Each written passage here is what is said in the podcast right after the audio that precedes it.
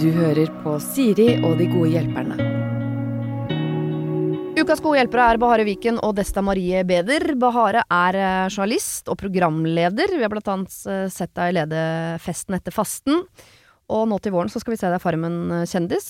Og fredag denne uken så er du altså med på det nye NRK-programmet Vettskremt. Ja. Hjelp. Hjelp. Desta uh, har vi sett som programleder i God morgen Norge i hvor mange år? Fem. Fem år. Oi. Ja, ja. det går fort. Du var eh, deltaker i første sesong av Kompani Lauritzen sammen med Jeg husker ikke hvem de andre er. Nei, sånn på stående fot. En gjeng en, med eh, idioter, antagelig. ja, Ja. og så har du de siste årene ledet Rydderevolusjonen på TV 2, og så ser vi deg jo i Forræder om dagen. Ja. Ja. Hvor du ikke følger din egen plan. La oss bare få lagt det på Nei, bordet. det er, den impulskontrollen der er Oi, oi, oi. Ja, nei, der, der overrasket jeg meg sjøl. Jeg tror det var hakket mer kontroll på eh, plan og eksi... Ja, ja, hvordan var det for deg å se det? Nei, jeg var overraska sjøl, for jeg vet jo du gjør jo ingenting uten å ha forberedt deg eh, dobbelt så godt som alle andre. Men eh, det var akkurat som du glemte personligheten din idet du tok av deg skoa. Så bare Skal vi se! veldig gøy. Jeg ser veldig gøy å se at du mista kontrollen litt der et øyeblikk. Nå skal jeg ikke si noen ting, og så kom alt. Ja, ja nei, men det, det er veldig, veldig Jeg har faktisk gledet meg litt til at du skulle se det, Siri. At du skulle ta ordet inni den forrædersalen, det hadde jeg Altså, det, eh, det hadde jeg ikke trodd om du hadde sagt det til meg engang. Nei, jeg var helt sjokkert sjøl. Og så bare begynte jeg å snakke, og så bare Men det er jo den reality-bobla. Altså, jeg, jeg, jeg tror ikke vennene mine kjenner meg igjen på Farmen. Nei. Eh, ikke for å avsløre alt eller noe, men Blir du hissigpropp? de har aldri sett meg gråte, vennene mine. Jeg tror jeg er den som gråter mest i årets sesong. Jeg, jeg, nei, jeg blir ikke nødvendigvis hissig, men jeg, jeg, det var bare noe som skjedde der inne. Så alle følelser bare blir så store og voldsomme. Kanskje du var bonde i ditt forrige liv? At du, nå kom du i kontakt med Å, følelsene dine. ja. Så bare du ser en høne eller gris, så begynner Ja, for jeg å kunne bodd der for alltid. Ja. Ah, det skjønner jeg. Det kunne jeg også gjort hvis det bare var meg, og ikke kamerafolk. Nettopp. okay. Vi skal gå i gang med denne eh, nydelige bunken, eller buketten om du vil, med problemer jeg har foran meg. Starter på toppen. Hei Siri og de gode hjelperne. Jeg lå med en fyr for et par uker siden, og det var aldri planen sånn egentlig, kaller han Knut. Jeg har alltid vært der for Knut og for kompisene hans når de har hatt det vanskelig. Altså, de er tydeligvis et trekløver, disse herrene. I ettertid føles alt så feil, for jeg liker jo egentlig kompisen til Knut. Og da er jo problemet at det er vel ikke så digg å vite at din nære kompis har ligget med dama, hvis det skulle blitt et forhold da med meg og kompisen til Knut. Jeg klarer ikke å la være å tenke på kompisen. Vi har alltid hatt en veldig god tone, han får meg til å føle at jeg er den rette, eh, og jeg har aldri kjent slik på en følelse med noen andre. Jeg har prøvd lenge å komme meg over han, men det går ikke, og jeg vet at det høres dumt ut, men jeg følte det eh, var riktig der og da å ligge med Knut, selv om jeg liker kompisen bedre da. Jeg var med på det, alt skjedde veldig fort, det var god stemning, men nå er alt bare rart i hodet mitt. Og hva gjør jeg da? Jeg vil gjerne høre deres mening, om dere tror jeg må bare droppe kompisene Knut, som jeg egentlig liker, etter det som nå har skjedd, eller om jeg burde gi det en sjanse. Knut og jeg er enige om at vi er bare venner. Jeg håper dere forstår hva jeg mener her, altså. Finn på et kallenavn. Altså, jeg tror jeg bare eh, Jeg har lest denne mailen noen ganger. Eh, hun Jeg tror ikke hun har noe relasjon Altså, hun er venn med begge to. Jeg tror ikke det er sånn at hun er på flørteren med vennen til Knut heller. Jeg tror ikke Nei. han nødvendigvis vet at hun er forelsket i han. Det er bare at hun har hatt lyst til å prøve seg, men tenker at det kan jeg jo ikke nå, for jeg har ligget med kompisen hans. Hun kan jo det, men jeg, jeg føler jo nøkkel her er tid.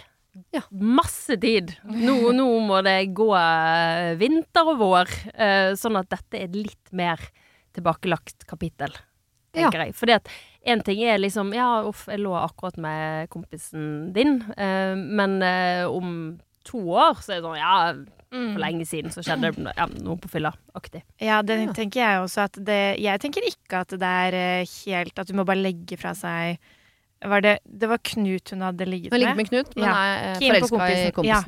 Jeg tenker ikke at hun trenger å legge fra seg kompisen. Uh, men, men jeg er enig. Gi det litt tid. Og hvis det ikke er noe flørt eller relasjon der i utgangspunktet, så, så, så burde det jo da uansett ta litt tid. For Ja. det eventuelt oppstår. Og kan du ikke bruke dette ligget nå som en slags brekkstang inn uh, og si sånn jeg, jeg vet jeg har ligget med kompisen din, Ja. uh, der og da. Føltes fint, men så klarte jeg etterpå å tenke sånn Det var veldig dumt, fordi da ble jeg klar over hvor godt jeg liker deg.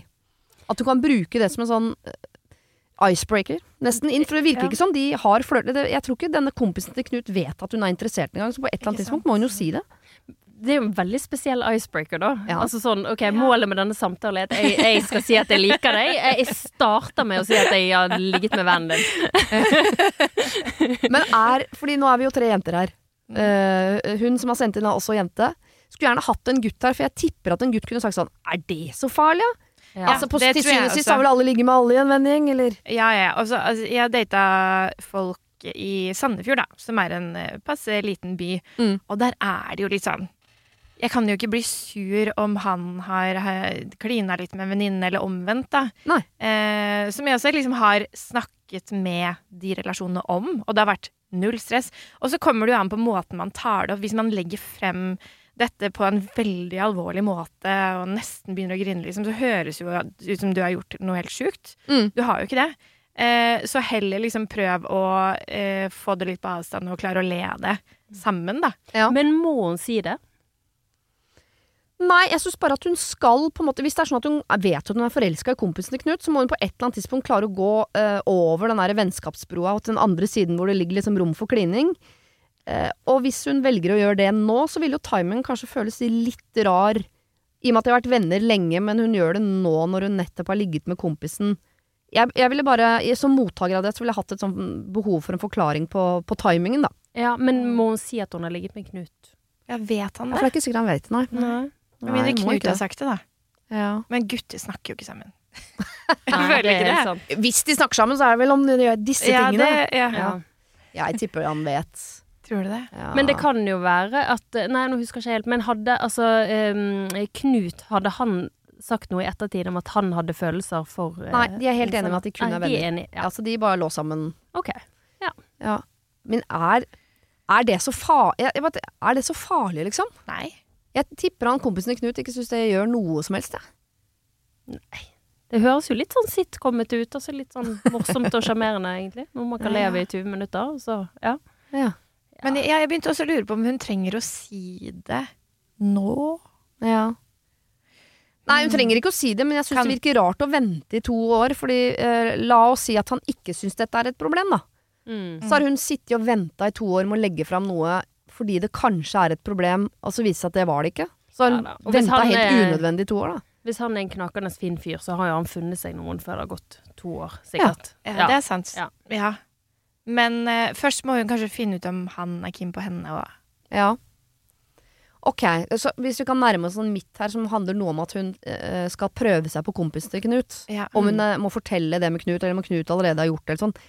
Er ikke det et problem de eventuelt får ta hvis det dukker opp? da? Jo, Fordi det er, jo, det er jo ikke hennes problem, det er jo denne kompisen sitt problem. I så fall si sånn Du, det blir litt rart for meg nå fordi du akkurat har ligget med kompisen min. Ok, greit. Da Ja. setter jeg meg på gjerdet, så venter jeg to år. Ja, og jeg tenker jo også hvis, hvis de begge finner en god tone sammen og henger sammen og begynner å få følelser for hverandre, så har plutselig ikke det ligget så mye å si. Nei. Hvis to personer er forelska, liksom. Mm.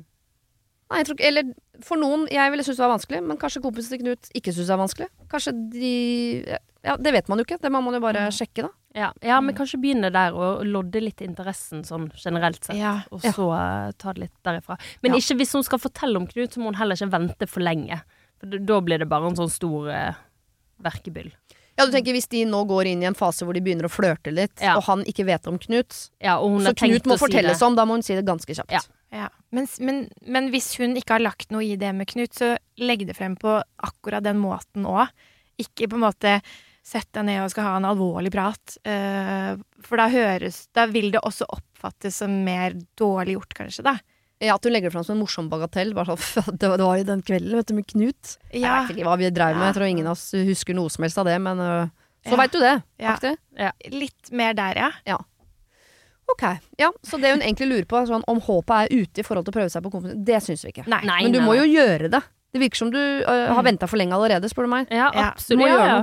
Det Mm. hadde hun gjort litt før, så hadde ikke Knut skjedd, åpenbart. Så nei da, her er det bare tiden og veien. Ja. Mm. Ok. Neste problem har jeg kalt 'forlover for faen'. Mest fordi jeg syns det er gøy med overskrifter med mye samme bokstav. Eh, men det har jo litt med problemet å gjøre òg. For et år siden så kunne jeg sendt dere en mail og spurt om jeg skulle dumpe eller fade ut en gammel venninne. Men jeg brukte så lang tid på det at innen jeg fikk skrevet noe, så følte jeg at vi hadde mistet kontakten helt, og problemet var dermed borte. Det har ikke skjedd noe mellom oss, vi har ikke krangla, det er en klassisk vokst fra hverandre, fått ulike liv, ulike interesser osv. Helt ærlig tror egentlig ikke noen av oss egentlig har likt den andre noe særlig noen gang, men vi er fra et lite sted, og foreldrene våre var venner, osv. Så, videre. så vi var på en måte venner helt fra starten av, bare fordi ja, det blei sånn. Så etter år uten kontakt, digg for øvrig, kom det en bryllupsinvitasjon i posten. Jeg tenkte med en gang det gidder jeg ikke å gå i. Men før jeg rakk å sende svar, så ringte hun og spurte om jeg ville være forlover. Jeg ble eh, såpass perpleks at jeg ikke klarte å svare, og det tror jeg hun skjønte, for ganske fort sa hun du, du trenger ikke å svare nå, altså, jeg ringer deg om en uke eller noe, jeg. Så har jeg ikke hørt noe mer, og det har snart gått to uker. Og her tenker jeg, skal jeg det da, det føles veldig fake, men jeg er tydeligvis viktigere for henne enn det jeg har trodd. Og jeg er jo glad i henne, jeg er glad i historien vår og så videre, men føler at forlover det forplikter til noe mer samvær framover, og det vet jeg ikke om jeg klarer å mobilisere til. Så hva svarer jeg da? Skal jeg i det hele tatt gå i det bryllupet? Er ikke det å gi falske forhåpninger, da? Kall meg Ellen. Uff. eh, for Bahare og meg i sted på kortversjon var jo veldig sånn ja ja, dette må du gjøre. Men vet du Ja. hva, jeg, jeg tror jeg ombestemmer meg. Jeg også altså. begynner å tvile. Ja. Ja. Nei, dette er eh, Her har hun endelig klart det kunststykket å gjøre det slutt med en venn, som er jo veldig vanskelig i seg sjøl. Mm. Og så kommer dette inn fra sidelinjen. sidelinje. Men jeg lurer jo litt på om, om det er bruden som har helt misforstått greiene, eller om hun kanskje ikke har så mange andre å spørre, og eventuelt at, at eh, Ellen her er en utrolig flink Altså utrolig god til å organisere. Til, altså, for det å være forlover, det er jo på en måte et yrke, nesten. ja. Og I hvert fall et kompliment. Ja, ja, Ja, ja. ja, Så man må, jeg bare tenker Selv om det er en ubehagelig forespørsel, så, så må du anerkjenne komplimentet i å bli spurt. Det betyr at hun liker deg veldig, veldig godt. Mm. Det er ikke noe slemt i det. Nei. Men det høres jo litt ut som at bruden selv skjønner at dette er ikke et naturlig spørsmål å stille den personen. Mm. Når hun også tar seg selv i å si 'du trenger ikke å svare nå', 'jeg ringer deg om en uke', 'maser ikke noe mer'.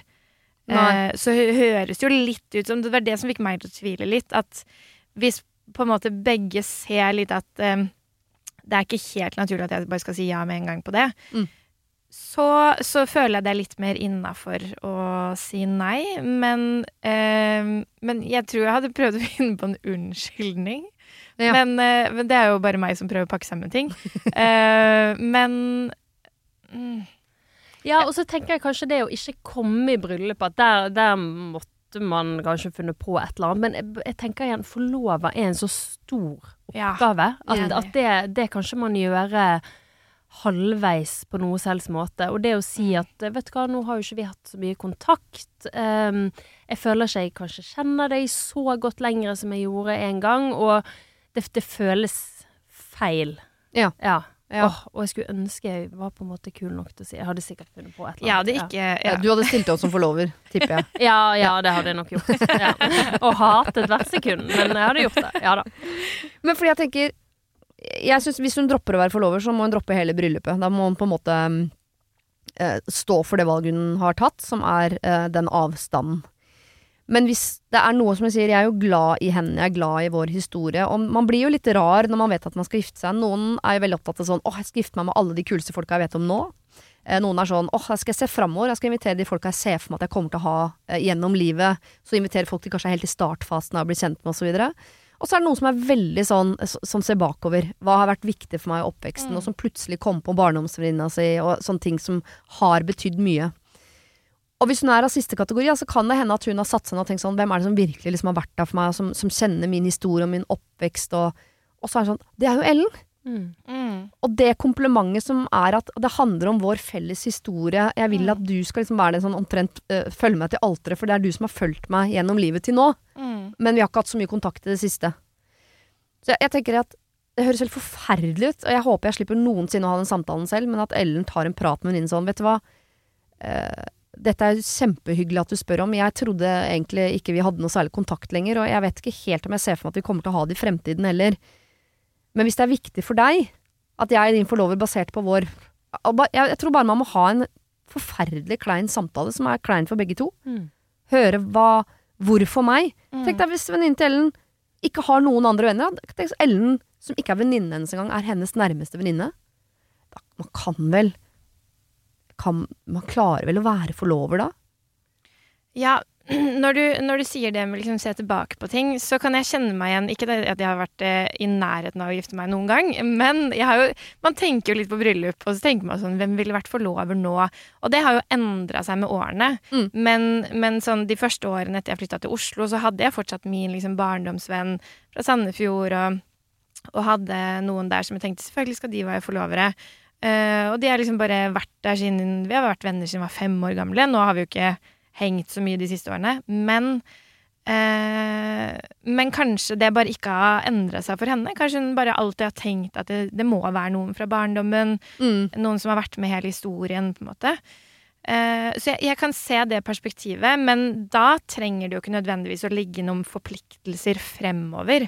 Hvis det er det som er viktig for henne. Ja, for det er det jeg syns er ekkelt her, er jo det derre hvis Ellen gir på en måte signaler om at det blir oss to i fremtiden, Mm. og så tenker hun det gjør det nok ikke. Så føles det litt som å drive og, og, og ligge med en du vet er forelska i deg, som du ikke vil ha. Mm. Som jo kan virke hyggelig der og da, men som egentlig i det store hele bildet er litt slemt. Og det å være forlova altså Det er så mye som går inn i det. Sant? Du skal arrangere utdrikningslag, du skal Mm. holde en tale. Det er jo en del økonomiske aspekt også som kommer inn. Sant? Og det tar mye skal tid. Ja, Mm. eh, og du skal komme liksom tett på, snakke Det, det er en ganske stor Den talen blir litt rar. Ja. Ja. ehm, Men, men da ville jeg kanskje heller liksom som brud sagt åh, jeg har så lyst til at noen skal snakke om, om barndommen eller den tiden. Kunne du bare holdt en ta... Altså, men Ja. det hele det Men hva om kanskje hun foreslår sånn Du, tusen takk. Kjempehyggelig. Eh, la, la, la. pakk inn det.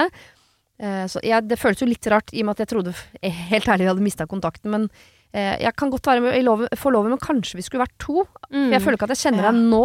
Jeg bor ikke der du bor, la oss si det ikke gjør det, da. Jeg kjenner jo ikke mannen din, jeg kjenner ikke livet ditt sånn som det er nå. Eh, jeg kjenner ikke vennene dine.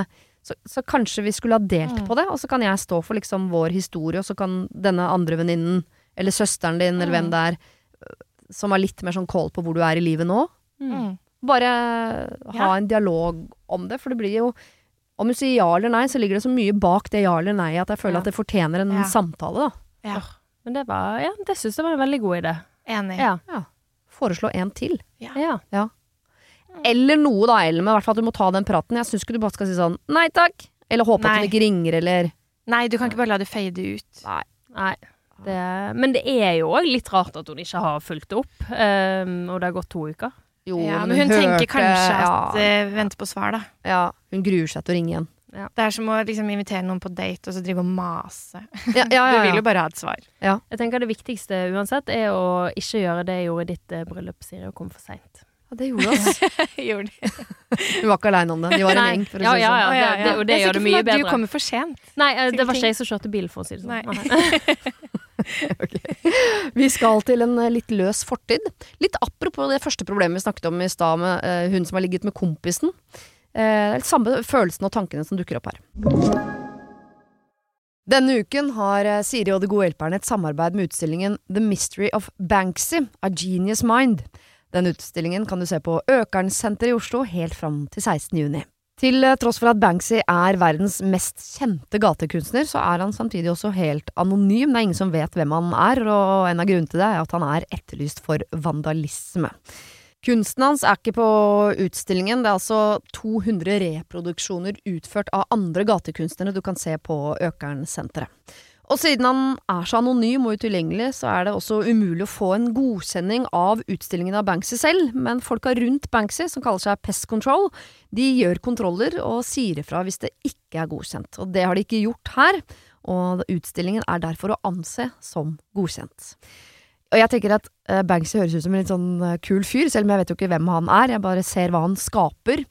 Eh, og jeg merker at jeg liksom blir, jeg blir nysgjerrig på han. Jeg husker en uh, tidligere sjef jeg hadde, uh, fortalte meg at Siri, uh, de som hører på deg på radio, de må enten ha lyst til å bli sammen med deg, eller så må de ha lyst til å være vennen din, eller i hvert fall gå på fest sammen med deg. Da lytter de. Jeg vet ikke om jeg har så veldig lyst til å bli kjæreste med Banksy, vanskelig å si, men det hadde definitivt vært veldig gøy å gå på fest med han eller ha han som venn, bare for å høre litt mer om hva som bor inni det kunstneriske hodet hans. Kjøp billetter til utstillingen på mystery-banksy.no. Her kan du også lese mer om utstillingen. Bruk kodeordet Siri, velg tidsbestemte billetter på hjemmesiden, og få billetter til kun 250 kroner. Koden gjelder til og med 31. mars.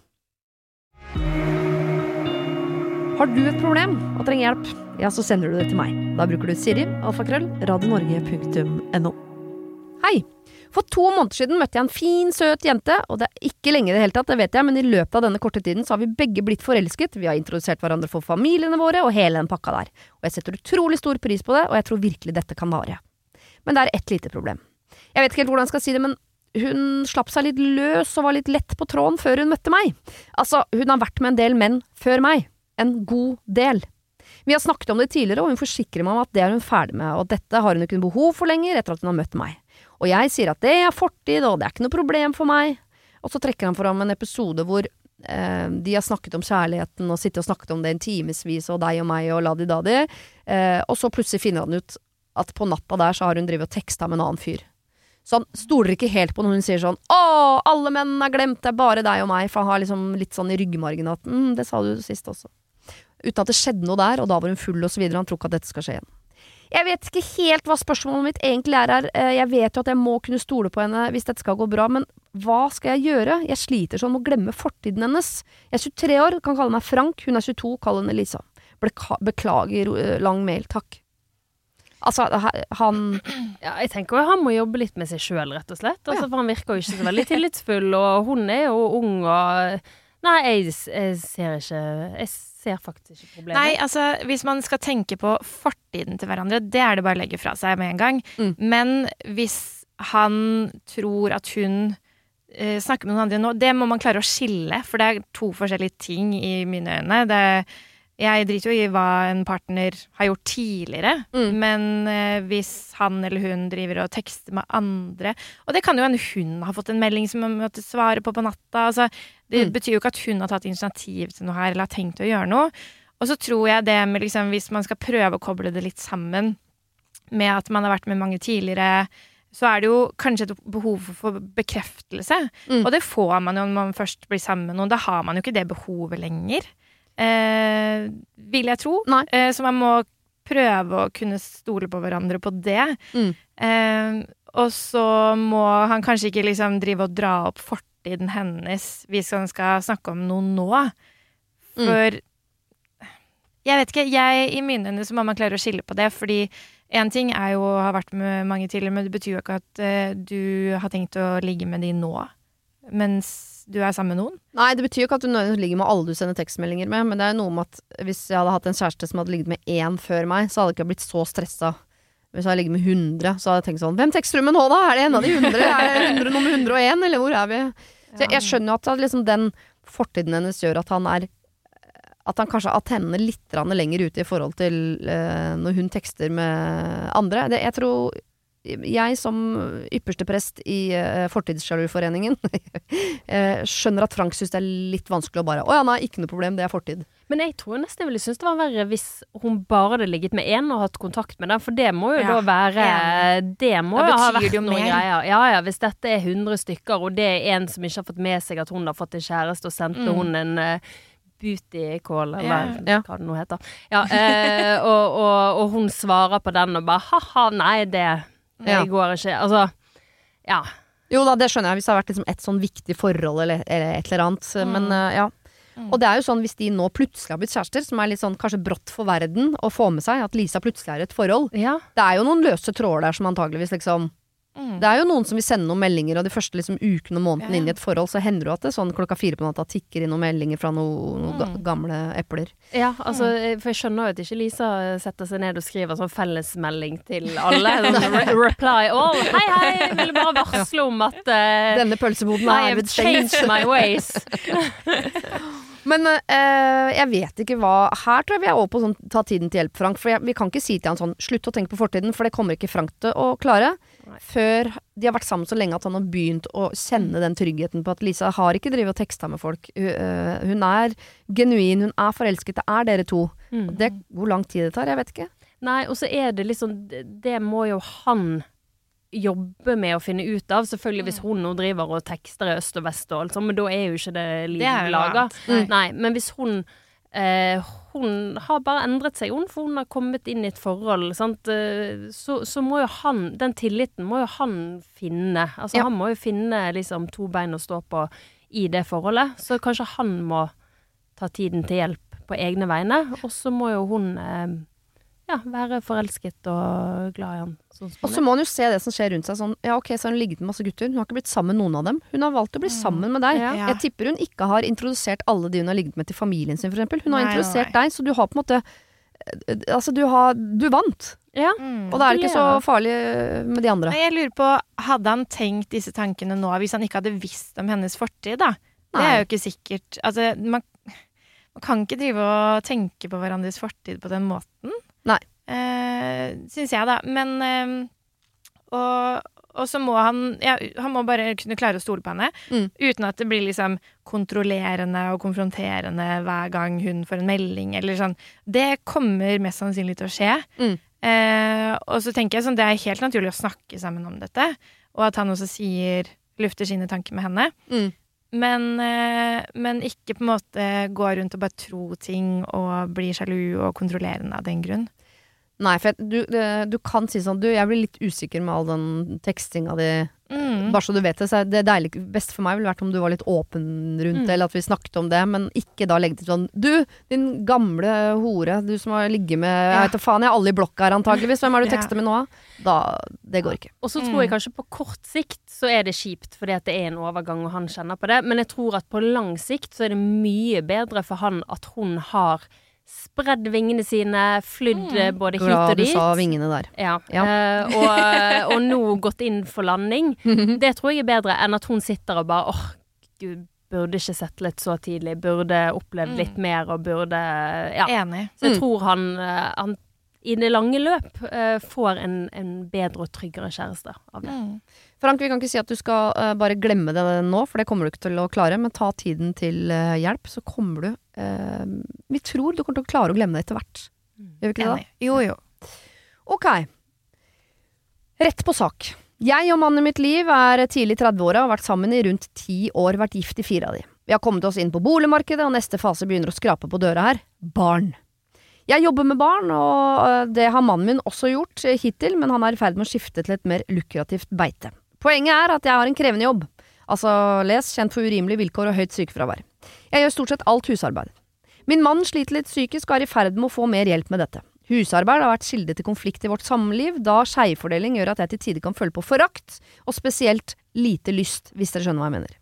Men jeg elsker han, og jeg ser for meg å dele livet mitt uh, med bare han.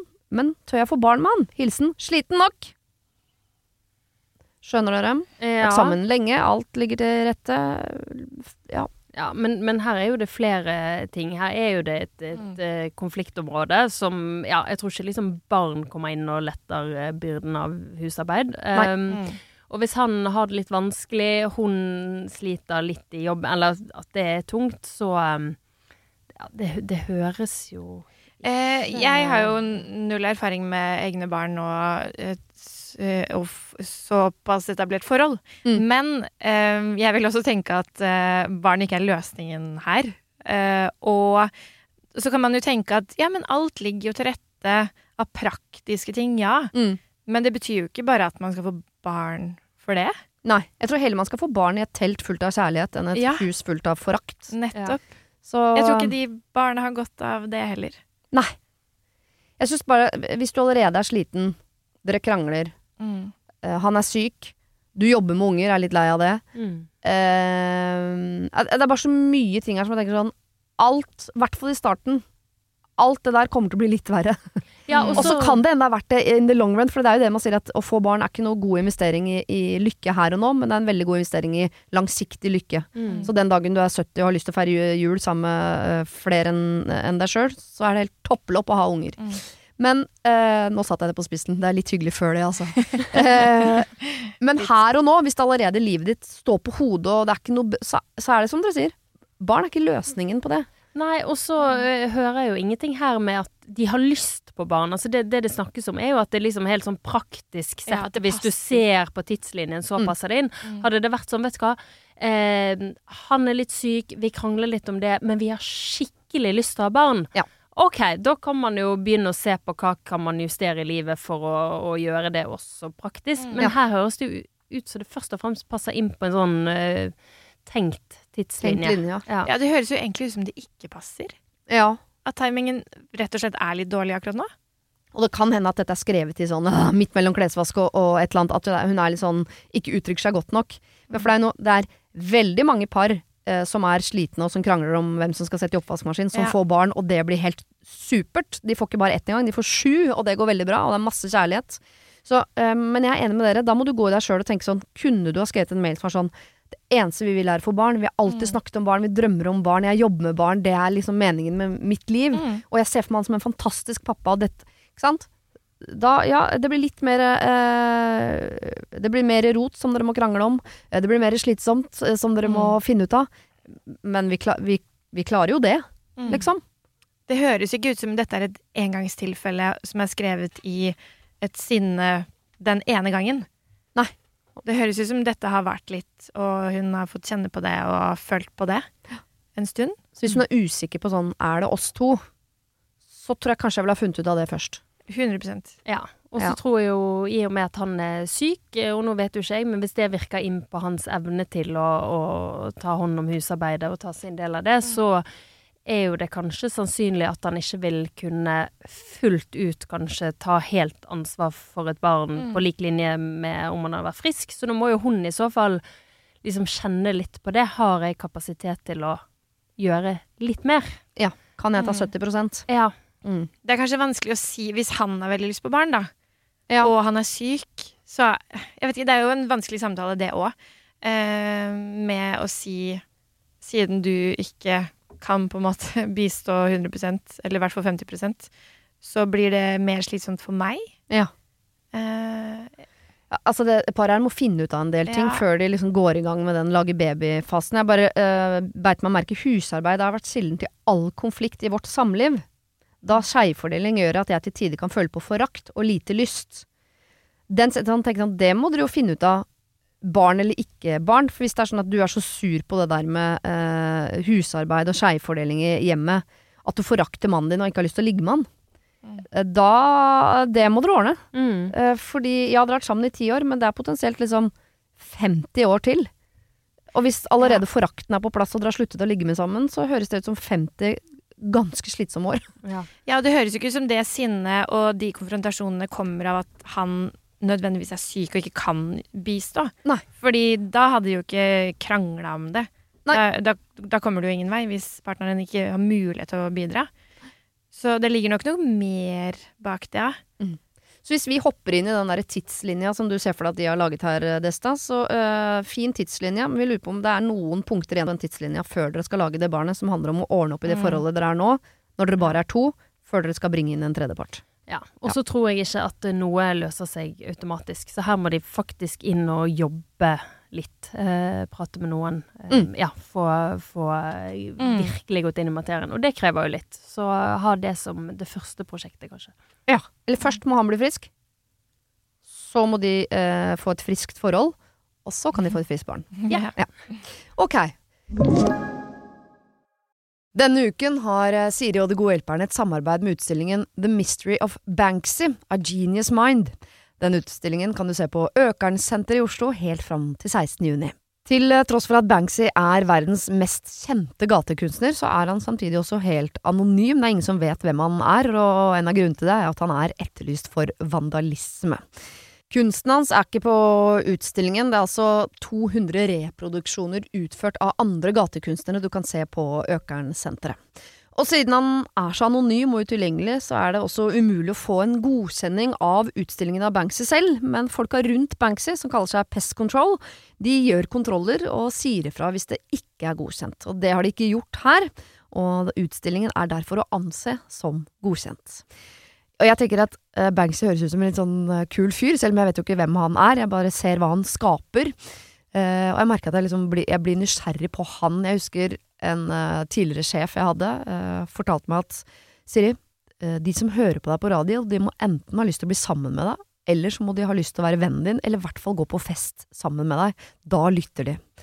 Jeg vet ikke om jeg har så veldig lyst til å bli kjæreste med Banksy, vanskelig å si, men det hadde definitivt vært veldig gøy å gå på fest med han eller ha han som venn, bare for å høre litt mer om hva som bor inni det kunstneriske hodet hans.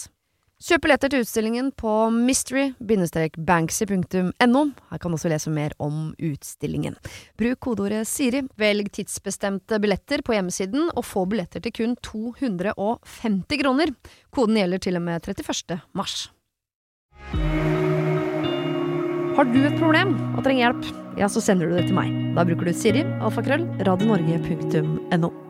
Eh, siste problem er, er nesten, Jeg nesten så jeg gruer meg litt. Ok? Vi gjør det sammen. Ja. Jeg trenger råd. Jeg er en dame, kall meg Gro, 36 år. Jeg er mor og bonusmamma. Altså, jeg har en datter fra tidligere forhold med min ungdomskjæreste, og mannen jeg bor sammen med i dag, har en sønn fra før. De er henholdsvis 13 og 14 år gamle. De ble introdusert for hverandre for ca. 1 12 år siden, og de ble fort venner, noe som gjorde det lettere for meg og min nye mann å ta steget som å gifte oss og flytte sammen. Nå som de er tenåringer, er de jo mer ute, de er mer med venner, de er mer på overnatting, det er mer som skjer nå som vi ikke har kontroll på, alt fra andre jenter og gutter, røyking, sikkert alkohol etter hvert. Men det er ingen av disse tingene som bekymrer meg akkurat nå. Min bekymring er deres relasjon. De oppfører seg som om de er forelsket. Jeg har ikke tatt dem i fersken på noe som helst ennå, men det er mye låste dører, sammen på badet, alltid sammen ute osv. Kanskje har de utviklet et uh, veldig fint bror-søster-forhold, eller så har de utviklet noe helt annet. Er jo ikke noe galt i det, egentlig, de er jo ikke søsken sånn i blodet, men de er jo søsken! Det ville vært veldig rart om de ble kjærester, og det tror jeg de kommer til å synes selv også når pubertetståka har lagt seg. Men hva kan jeg gjøre? Jeg har ingenting jeg kan ta dem på sånn direkte enda, og det er jo grusomt for oss alle om jeg tar feil. Vi snakker om å dra til Syden i jula, for eksempel. Jeg veit ikke om jeg vil reise noe sted, med to stykker som straver rundt i bikini og ja, hjelp! PS, jeg har ikke sagt noe til min mann. Nei. Åh. Skal hun si noe, det kan vi jo ta inn i problemet, skal hun si noe til sin mann. Eh, dernest skal hun si noe til eh, sine barn. Jeg ville kanskje sagt det til mannen først, ja. Ja. Og bare hørt sånn Har du lagt merke til det samme som meg? Mm. Um, Og så bare sånn eh, fordi at ja, de barna var jo ikke nyfødte når de ble sammen. Nei, nå er de 14 og 13, har kjent hverandre i ett og et halvt år, da. Så det var Ja, jo, ja, ett og et halvt år. Ja, Mm. sant? Sånn at fordi, og det er jo kanskje litt sånn viktig, så, så ser jo sikkert ikke de på hverandre som søsken. Det er jo, syns jeg er litt sånn mye forlangt. langt Mm. Altså, jeg har jo også eh, bonusbrødre, eh, veldig stor aldersforskjell, men, men det blir jo det blir litt annerledes når man møtes når man er eh, over eh, Ja. Ja, men det er det jo eh, Det er faktisk lest forskning på. Fordi grunnen til at man ikke forelsker seg i familie, er eh, fordi nettopp fordi man er oppvokst sammen og har tilbringt eh, hele barndommen sammen, og det gjør at liksom eh, instinktet vårt sier nei til den personen. Mm. Eh, Jeg har sett deg i bleie. Ja. ja, ja, og fordi liksom mennesker skal ikke eh, gjøre det. Eh, og de barna blir jo ikke nødvendigvis så friske. Eh, så, men når man ikke har den bakgrunnen, eh, og liksom møtes midt i verste pubertetsfasen og syns alt som har med det motsatte kjønnet er spennende, Mm. og du blir bare plassert i et hus sammen, der skal du bo Mm. Så jeg, jeg skjønner jo at de ikke ser på hverandre som søsken. Og foreldrene har jo falt for hverandre, så det er jo ikke helt natta heller at barna skal falle for hverandre, for det er jo noen typer inne i bildet her som Ja, ja, ja, så det høres jo som mor her er litt sånn derre Å, herregud, de er søsken, og Ja. sånn. Men for de så er jo ikke de det. Eh, Nei. og det kan man jo ikke påtvinge eh, Nei. barn eller ungdommer, og liksom Dette er nå din bror, og ja. Ja, er det fordi Det er jo det som er kjernen til problemet her, for jeg er helt enig i at på, du kan ikke ta de hvis de vil eksperimentere med hverandre. De er egentlig venner, og de er bare plassert i samme hus også, så på papiret ikke noe gærent, men de, de Foreldrene vet at på et eller annet tidspunkt så kommer dere til å føle som om dere er i familie. Og da må dere sitte på julaften med eh, du har dine unger og du har dine unger, og dere åpner julegaver og dere går på, i bursdager og konfirmasjoner til hverandre, og dere kommer til å være familie for bestandig. Men dere må ta med dere i bagasjen at han har eh, Men eh, tror du at gjort et eller annet Klarer du å banke det inn eh, Altså ikke Litt fysisk, men, men uh, klarer man det på, på litt sånn um, skjønnsmodne 14-åringer, holdt jeg på å si? Er de mottagelige for det? Og tenke, tenke liksom 10-15 år frem i tid? De Nei, klarer nei, jo ikke det. Det er derfor han Også- tar tatovering. ja. Og så er det jo noe med at kanskje i den alderen Nå vet jeg ikke relasjonen mellom hun og datteren, eksempel, Men, eh, eller sønnen, hvis det var det. Men, eh, men man vil jo alltid gjøre det motsatte av det foreldrene sier òg. Mm. eh, i liksom puberteten og sånn. Så det kan jo være skummelt å gå for hardt ut og bare sette ned foten med en gang og si at dette går ikke, fordi da vil de jo bare prøve å gjøre det motsatte. Men dette, Ja, altså, de dette er tenker sånn Nei, jeg har ikke ja. fingra av søstera mi, men når du sier det, så høres Ja. det jo ganske forlokkende ut, egentlig. Dette Takk for tips. skikkelig. Å, jeg bare, vet du hva, Morte, det er grunn nok til ikke å få barn for deg og meg, Bahare, at vi kan ende i den situasjonen. Ja, men jeg, det, er også veldig vanlig, altså. Ja, det jeg også tenker på når jeg ser Nei, det, jeg tenker ikke så mye på det. Men jeg tenker også sånn Kunne jeg gifta meg med deg, fått barn med deg og skilles, og så hadde det fortsatt vært en god relasjon, er du på en måte såpass eh, omgjengelig og Ja. Det som jeg pleier å si, man må velge sine ekser med omhu. Ja. Det er Ja, Ja. nei. Eh, Så ikke noe Jeg vet at eh, Jeg har jo tenåringsbarn selv, så jeg vet at ikke de er mottagelige for noe som helst vettugt jeg har å komme med. For de tenker bare sånn 'Du veit ikke, du skjønner ikke'. Uh, men det kan jo hende hun er i stand til å plante et frø om at det greiene der, det er jævlig nasty. mm. eller kanskje foreldrene må si at eh, vet du hva, hvis de barna vil være sammen, da kan ikke vi være sammen. For da setter vi de i en vanskelig situasjon. Så vi må faktisk gå fra hverandre. Ja. Nei, det skal de få slippe. Ja, det skal de få slippe. Jeg bare kaster, kaster Ja, på ja, bordet. ja. Men ja, det det går jo jo- forslag i- Det går jo an å først prøve å finne ut av om det er noe som helst i det hele tatt. Og bare stille noen spørsmål sånn 'Jeg ser dere har blitt gode venner, hva, hva syns du om han, går det fint?' Eller sånn. ja. Og eh, hvis man er veldig forelska i noen og er 13 år, så syns det Ja. når man snakker om den personen. Ja, de oppfører seg som de er nyforelska, og de er sammen på badet. Det tror jeg, eh, det kan jeg bare si som mor til tenåringer. Eh, De er ikke sammen på badet. Det er kimen til all konflikt i, i heimen hos oss. Det er sånn. hvem som skal være på badet når. Og det er ikke et alternativ å være der samtidig. Mm. Her skal ingen se noen naken, for å si det sånn. Eh, Men disse det virker som foretrekker å gå inn, inn på badet samtidig. Oh, jeg liker at hun spør oss om det før hun spør sin mann. Altså, Ja. Det er veldig Ja, vi, vi lar uh... Oppfordring til alle der ute, gjør det. Ja. Mer av det. Ok, men dere er med på Hun skal snakke med sin mann om dette. Ja, Ja, det må hun Det gjøre. syns jeg. Ja. Mm. Men en mann vil jo ha en Tror jeg ja, Det er nesten synd at det ikke er han som har datteren, Fordi da ville han gått inn krisemaksimert Ja. og tenkt ja. æsj, fy faen, jeg brenner hele huset og flytter og Ja. eh, Men han er jo far til sin sønn, så kanskje han tenker sånn Nei, jeg skal passe meg litt for å gå inn i det der, men At han, yeah, ja, yeah, kom igjen, sønnen min. Men det Want er jo go. naturlig at de snakker med sine respektive Ja. barn om dette. Ja. tenker jeg altså. ja, nå er du Kanskje hun sier det til mannen sin, og så må Mm. de i, få som oppgave å snakke med sine barn bare generelt om eh, nå er dere på vei inn i en fase i livet hvor det er viktig å respektere, og dere kommer til å ha lyst til å eksperimentere, men husk å la de Den praten der, Mm. og håpe at det Ja, men også en prat om sånn hvordan, Hva syns du om han eller henne? Hvordan Ja. går den relasjonen? Uten at man legger opp til noe, men bare Mm. prøve å på en måte lese litt eh, den samtalen, da. ja. Og litt kroppsspråk. Man, jeg, vil, jeg vil, vil tro at man ser det ganske tydelig Ja. på en 13-åring. Og så tror jeg hvis de allerede på en måte har satt seg på det toget, og begge to har lyst til å være om bord på det toget, så får du ikke stoppa det, altså. Nei, Jeg tror nei, ikke du får stoppa det. Men det var jo, dette var jo på Teenage Mom for kjempelenge siden. Der var jo det sånn stesøskenpar som Ja, de, for de Er fikk dette jo en barn sammen. dokusåpe, eller hva er det? Ja, Teenage Mom på, på MTV. Okay. Back in the day. Ja. ja. ja. Og de Litt sånn er jo unge mødre. Ja, ja unge mødre. forløp, Ja. altså. Ja. Uh, og der var jo det Var det Caleb og Michaela eller et eller annet? Ja. Som De var stesøsken og, og skulle jo da få et barn sammen, og bodde jo da hos hennes mor, som da var hans stemor. Ja. Eh, og det Ja da, nei, de er fremdeles sammen, de. 15 Ja, år etter. Det er det. Ja, ja, ja. Men Eh, det jeg tror kan ikke foreldrene er det. Ja. Det kan hende dette er kjærlighet. Absolutt det kan hende at det er særlighet kjærlighet, men man da, akkurat nå er det jo tenåringsutprøvelser, på en måte. Ja, nei, Ja. vet Det er ikke kjærlighet. det- Av, av alt vi har hørt i dag, så er vel eh, Ja. denne misunner jeg vedkommende aller minst, altså. Mm. Uff. Ja. Uff. Uff. Ja, den er lett å unngå, da. Ja, Men jeg, jeg tror det var en NRK Superserie, hvis jeg ikke husker helt feil også, hvor, uh, hvor en jente og en gutt uh, fant, fikk liksom øye for hverandre, og så ble foreldrene sammen. Og da tror jeg de liksom valgte selv å ta avstand. Ja. Vis i den serien. Se Ja. på den sammen. Eller kanskje bare mamma og pappa her skal vise veldig mye kjærlighet. Sånn at det blir veldig tydelig for barna at å ja, de har ikke bare flytta sammen, sånn som veldig mange barn tror at foreldrene bor sammen fordi de ble født sammen og driver et slags AS.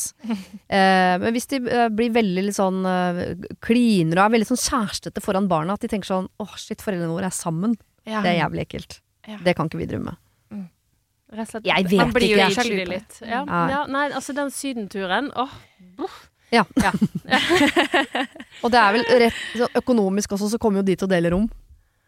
Nei, Jeg skal ikke legge mer bensin på det bollet her, selv om Ja. jeg har veldig lyst til å bare tenne på det huset og flytte et annet sted. Men uh, jeg misunner deg ikke dette problemet.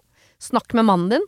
Snakk med barna deres litt Ja. mer sånn overordna om hva de er på vei inn i i forhold til Uh, utprøvelser og respekt for øh, og så. Mm. Og så ja, så får vi se åssen det går, da. Ah, Ja, nei, uff. Eh, tusen takk, eh, Bahare og Desta, for at dere vil lære mine gode hjelpere.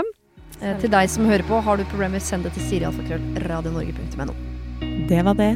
Husk å sende problem til siri.radionorge.no om du vil ha hjelp.